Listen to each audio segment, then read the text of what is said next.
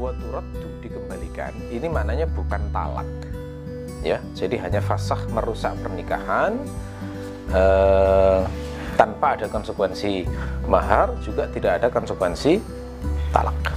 Ya. Wanita dikembalikan maksudnya dikembalikan itu kepada keluarganya tentu saja bi khamsati uyub karena lima aib. Jadi seorang lelaki kalau menikahi seorang wanita kemudian setelah menikah itu ternyata didapati wanitanya itu punya aib ya yang akan disebutkan ini salah satu dari lima aib ini maka lelaki tersebut punya hak untuk rot mengembalikan. Jadi merusak pernikahan tanpa harus bayar mahar juga tidak ada konsekuensi talak. Dikembalikan ke keluarganya. Apa saja aib itu? Yang pertama adalah bil junun dengan kegilaan jadi ternyata kalau diketahui si istrinya itu setelah menikah ternyata gila. Ketemu pertama kali sudah ketawa-ketawa sendiri misalnya kan takut ya lelakinya. Setelah dicek ternyata dia gila. Nah semacam ini maka boleh dikembalikan. Ya ini kalau zaman dulu mungkin karena perkenalan lelaki di zaman dulu itu tidak seintens pada zaman sekarang yang di mana sarana komunikasi zaman sekarang itu sudah jauh lebih uh, mudah daripada zaman dulu ya. Sehingga orang menikah dengan wanita di zaman dulu itu ya sering kali hanya atas dasar kepercayaan maukah engkau menikah dengan fulanah putra putrinya fulan? misalnya. Oh ya mau. Kemudian setelah dinikahkan oleh walinya istrinya dizifaf dikirim ternyata gila misalnya. Nah ini boleh di dirot dikembalikan kepada walinya yang kedua adalah wal kusta. Jadi terkena penyakit kusta. Kusta ini kalau ditahkikannya matan Abu Suja itu disebut uh, illatun yahmar minhal udu thumma yaswaddu thumma yataqatta'u thumma yatanatharu. Sebuah penyakit yang mana uh, anggota tubuh itu memerah kemudian menjadi menghitam. Lalu kemudian putus gitu ya. Kemudian uh, rontok. Ya ini. Biasanya diterjemahkan kusta. Tapi saya cek di apa beberapa artikel tentang kusta itu uh, memahami bahwa kusta itu penyakit yang membuat anggota tubuh menjadi tanggal itu dianggap mitos oleh uh, medis ya di masyarakat karena tidak ada tidak uh, kusta itu tidak tidak levelnya tidak sampai me menanggalkan anggota tubuh. Yang menanggalkan anggota tubuh itu penyakit yang yang dinamakan zarat ya. Gitu. Juzam di sini e, diterjemahkan kusta itu sudah sudah diketahui secara e, apa umum ya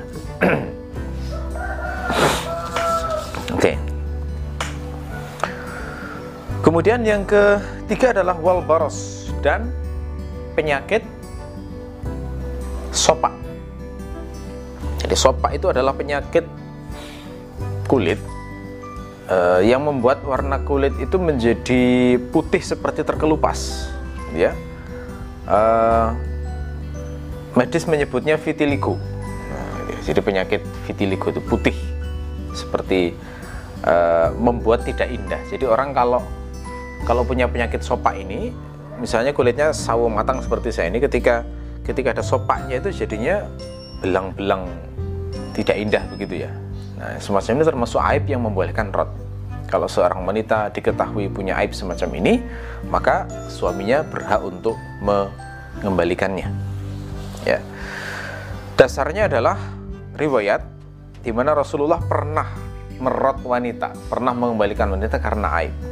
Saya bacakan riwayatnya. Dalam Sunan Al-Baihaqi dari Zaid bin Ka'ab beliau mengatakan Ka'ab berkata, tazawwaja Rasulullah sallallahu alaihi wasallam imra'atan min Bani Ghifar fa uhdiyat ilaihi fara'a bi kashhiha wadhan min bayad. Qala dhammi ilaiki thiyabaki wa alhiqi bi ahliki wa alhaqa laha mahraha ya. Rasulullah sallallahu alaihi wasallam menikahi seorang wanita dari kabilah Bani Ghifar. Maka kemudian wanita tersebut diantarkan pada beliau. Fauhdiyat ilaihi itu mana bahasanya? Dihadiahkan pada beliau diantarkan. Atau bahasa eh, hadisnya adalah ini proses zifaf ya, diantarkan pada Rasulullah.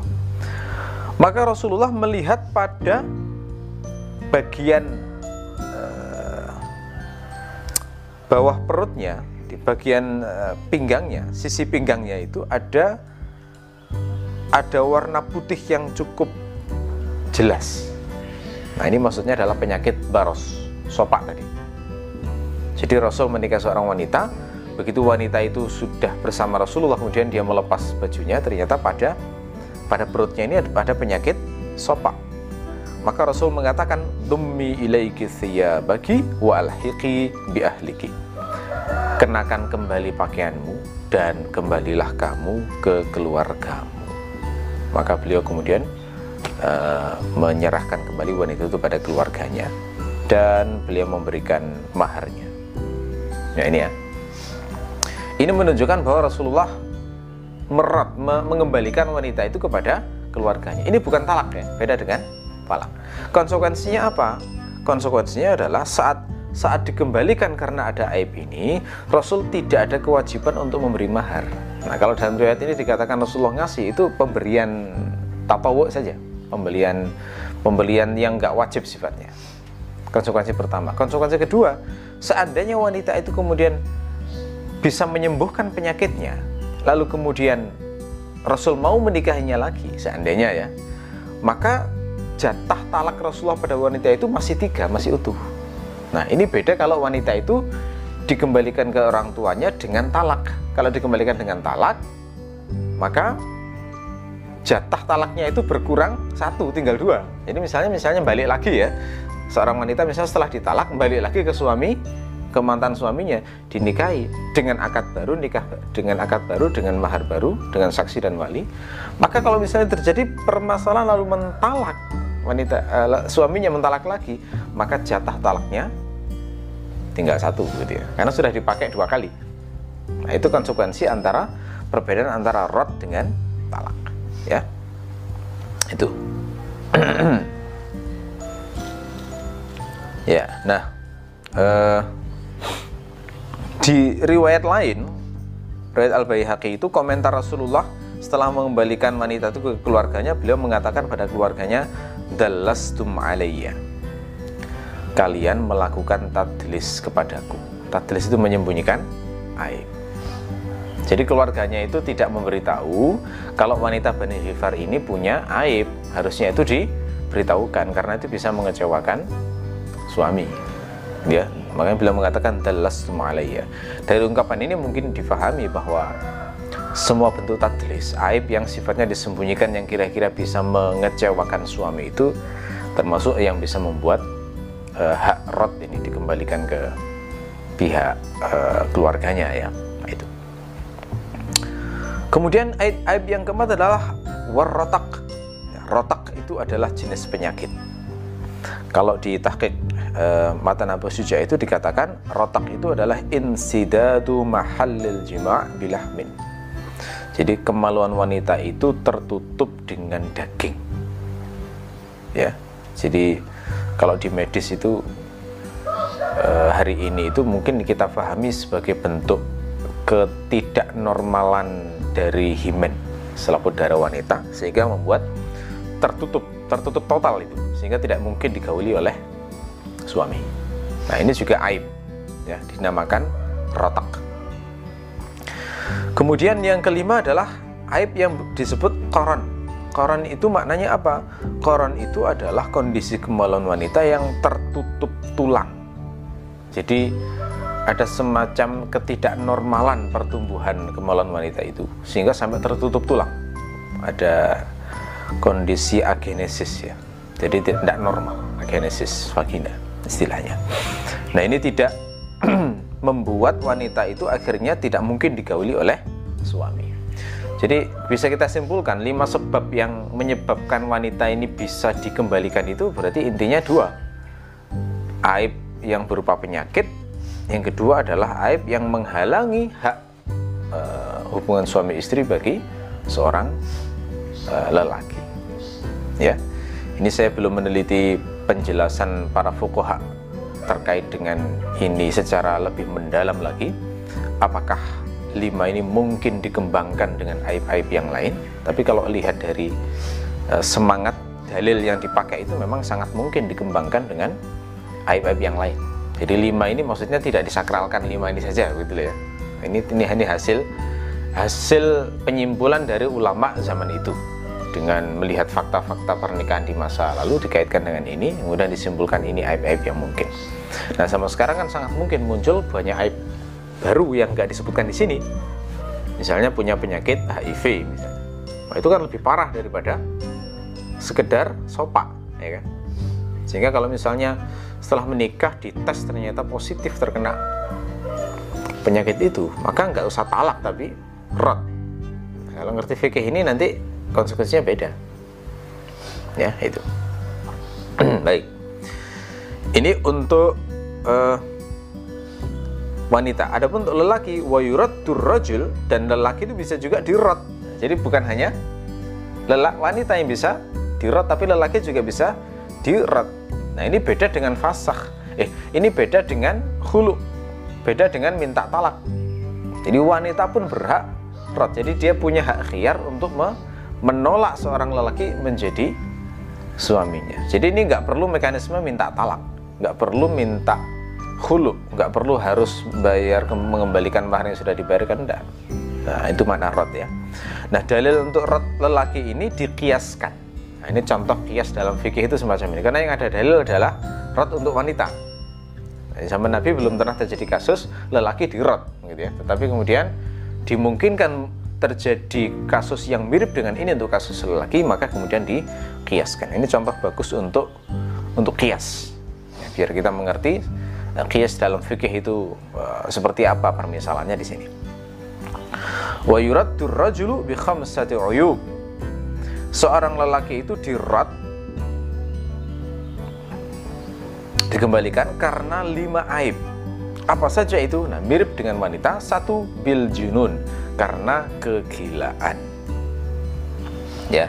Nah, itu. Nah, gila di sini uh, mungkin saja gila total atau gila sesekali itu mungkin juga masih bisa uh, dijadikan sebagai aib. Yang saya tertarik itu ingin menyelidiki ini, belum saya dalami tapi ya. Ingin menyelidiki apakah mungkin dirot karena sebab idiot misalnya. Karena kalau idiot itu real ada masalahnya di masyarakat itu ada.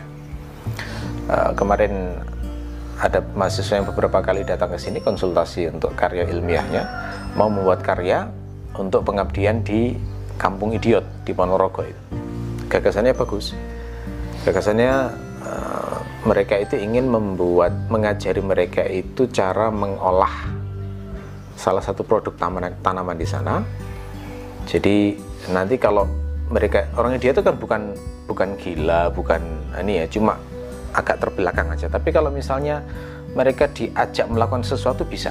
Pekerjaan yang nggak terlalu rumit itu bisa ya dan cara mereka bekerja itu adalah dengan niru meniru, mengimitasi orang yang mengopeni selama ini, yang ngurus itu. Jadi misalnya ngopeni itu misalnya melakukan sebuah pekerjaan, maka dia langsung akan niru biasanya. Yang ngopeni itu misalnya sedang sedang mukuli gabah misalnya untuk dibersihkan ya, maka dia bisa langsung bantu dan tenaganya kuat-kuat juga. Ya. Nah, itu diajari sebuah cara untuk mengolah satu produk pertanian di sana yang kalau itu dilakukan oleh orang maka idiot ini akan menjadi produktif.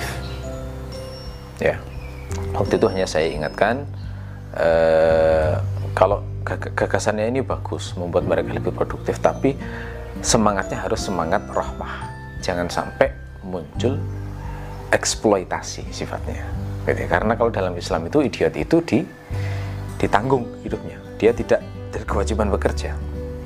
Jadi kalau mereka itu bekerjanya sifatnya having fun istilahnya ya. Jadi mereka itu tidak tidak terbebani dan tidak dipaksa untuk bekerja.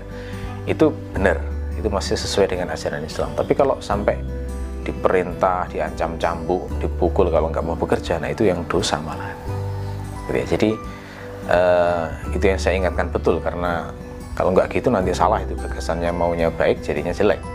Sebenarnya lebih produktif dan sehingga mereka itu nggak bergantung pada bantuan pemerintah misalnya ya Nah, itu uh, dari sisi gagasan bagus. Hanya saya saja saya ingatkan fikihnya begitu. nah ini karena di sini nggak disebutkan safah itu ya, keidiotan di sini nggak disebut, disebutkan. Jadi apakah keidiotan itu tidak tidak membuat punya hak rot atau bagaimana itu? Ya. Nah, ini, ini ini ini harus termasuk yang menarik untuk didalami ya. Oke, kita lanjutkan. Yang kedua adalah wal judam, sama dengan wanita, lelaki yang punya penyakit uh, kusta, maka dia juga bisa dikembalikan ke keluarganya, artinya punya hak khiar untuk memfasah ini. Yang ketiga wal baras sama, yakni penyakit sopak atau vitiligo. Nah, yang keempat adalah wal jub. Nah, ini yang beda, tapi intinya sama, yakni penyakit pada ya kekurangan pada pada kelamin, begitu ya. Al jub itu adalah uh, lelaki yang di dipotong, dibabat kemaluannya sehingga sampai pangkal, sehingga dia tidak mungkin bisa menggauli istrinya. Seperti orang Kasim gitu ya. Jadi jadi dia sudah nggak punya lagi kemaluan, lelaki bukan, wanita bukan, gitu ya. Yang jelas dia tidak akan mungkin menggauli seorang wanita. Itu namanya aljab. Ya, aljab. Dipotong kemal. Jadi dia punya syahwat. Kalau pun kalau melihat lelaki bisa jadi masih muncul syahwatnya, tapi dia tidak bisa menggauli wanita karena kemaluannya dipotong. Nah, sebab pemotongan pernah saya bahas dalam artikel itu bisa macam-macam dalam berbagai tradisi bangsa. Kalau seperti di Cina itu, kenapa dipotong kemaluannya? Itu karena mereka itu hendak dijadikan sebagai penjaga permaisuri, ya, istri-istri pejabat kerajaan, sehingga biar mereka tidak ada perselingkuhan dengan wanita-wanita ini, maka dipotong kemaluannya. Jadi ini kalau bisa kita katakan ini adalah jenis uh, jenis syarat PNS yang mengerikan zaman dulu gitu ya. Istilahnya itu ada orang mau jadi pegawai istana itu kan mirip kayak PNS ya. Tetapi syaratnya adalah mau di dipotong kemaluannya. Nah, itu orang Kasim. Orang Kasim itu masih sampai abad 19-20 itu masih ada sisa-sisa orang Kasim. Sekarang kayaknya sudah nggak ada di Cina. Ya. Nah, sepertinya itu berlaku di berbagai tempat, termasuk di Mesir, karena dalam riwayat hadis itu ada kerabatnya Maria Al-Qibtiyah yang yang terpotong kemaluannya. Ya, itu saya nggak tahu apakah motongnya sejak dari Mesir atau motongnya di Madinah karena sempat ada isu ya, wallahu alam gitu ya. Karena waktu itu kan ada isu hendak di, di, dirajam ya si saudaranya Maria itu karena berduaan dengan Maria. Tapi kemudian ketika di Eh, oleh Ali ternyata dia uh, majibub. Dia terpotong kemaluannya nah, ini aib juga. Yang kelima adalah wal unnah. Nah unnah itu impoten. Impoten itu berarti kemaluannya ada tapi tidak bisa berfungsi. Nah ini hanya akan mungkin diketahui oleh seorang wanita jika ya sudah sudah bergaul dan tidak berhubungan suami istri kemudian baru tahu ternyata suaminya itu impoten nah dia Nah, sama sekarang kan mungkin untuk dikembangkan ya aib-aib yang lain selain ini terhadap lelaki karena kasusnya real. Misalnya wanita tahu bahwa suaminya itu gay misalnya. Nah, mungkinkah dirot itu? Nah, ini termasuk topik penting untuk di, didalami ini ya. Nah, tapi kita pahami dulu poin limanya ini. Nah, kita hafalkan dulu, kita pahami dulu untuk bisa memahami lanjutannya. Karena kalau sama sekarang G itu real banget. Ada orang yang nikah sengaja hanya untuk sebagai penutup aib ya. ya biar kita normal, tapi ternyata setelah menikah istrinya nggak pernah disentuh. Ya, itu fakta terjadi. Nah, itu kan juga membuat istri akan menjadi menderita, mirip dengan unnah ini, tapi uh, bukan unnah. Yang, yang unnah itu impoten. Jadi sebenarnya mau sama istri, tapi nggak bisa uh, nggak bisa berfungsi kemaluannya. Nah, khusus untuk unnah ini, rotnya itu nggak langsung rot. Ya, tetapi diberi waktu dulu berobat selama satu tahun. Nah, jika gagal, maka langsung istri punya hak fasah. Jadi satu tahun setelah setelah pengaduan itu, makanya harus segera, biar nggak berlarut-larut gitu ya. Nah, itu jadi eh, dasar diberi waktu obat setahun itu adalah asar dari Umar bin Khattab yang diriwayatkan oleh Al-Baihaqi. Dia mengatakan terkait dengan inin orang impoten yu'ajjalu sanatan fa in qadara 'alaiha wa illa furriqa bainahuma walahal mahru 'alaiha al-iddah ya. Diberi tangguh satu tahun maksudnya untuk berobat kalau dia sudah mampu untuk menggauli istrinya maka nggak jadi uh, dipisah suami istri itu tapi kalau nggak sanggup maka dipisahkan di antara mereka lalu wanita itu punya hak mahar dan dia wajib mengalami masa idah. Nah, ini kasusnya adalah jika awalnya mampu, kemudian jadi impoten. Nah, kemudian diadukan ini semacam ini. Tapi kalau di awal-awal pernikahan belum sempat ada pergaulan itu, lalu kemudian sudah impoten dikasih waktu setahun, nggak mampu maka langsung fasah dan tidak ada masa idah dan nggak ada mahar. Ya, jadi e, harus dipisahkan kondisinya begitu. Ya, jadi ini pembahasan rot suami istri itu sebenarnya.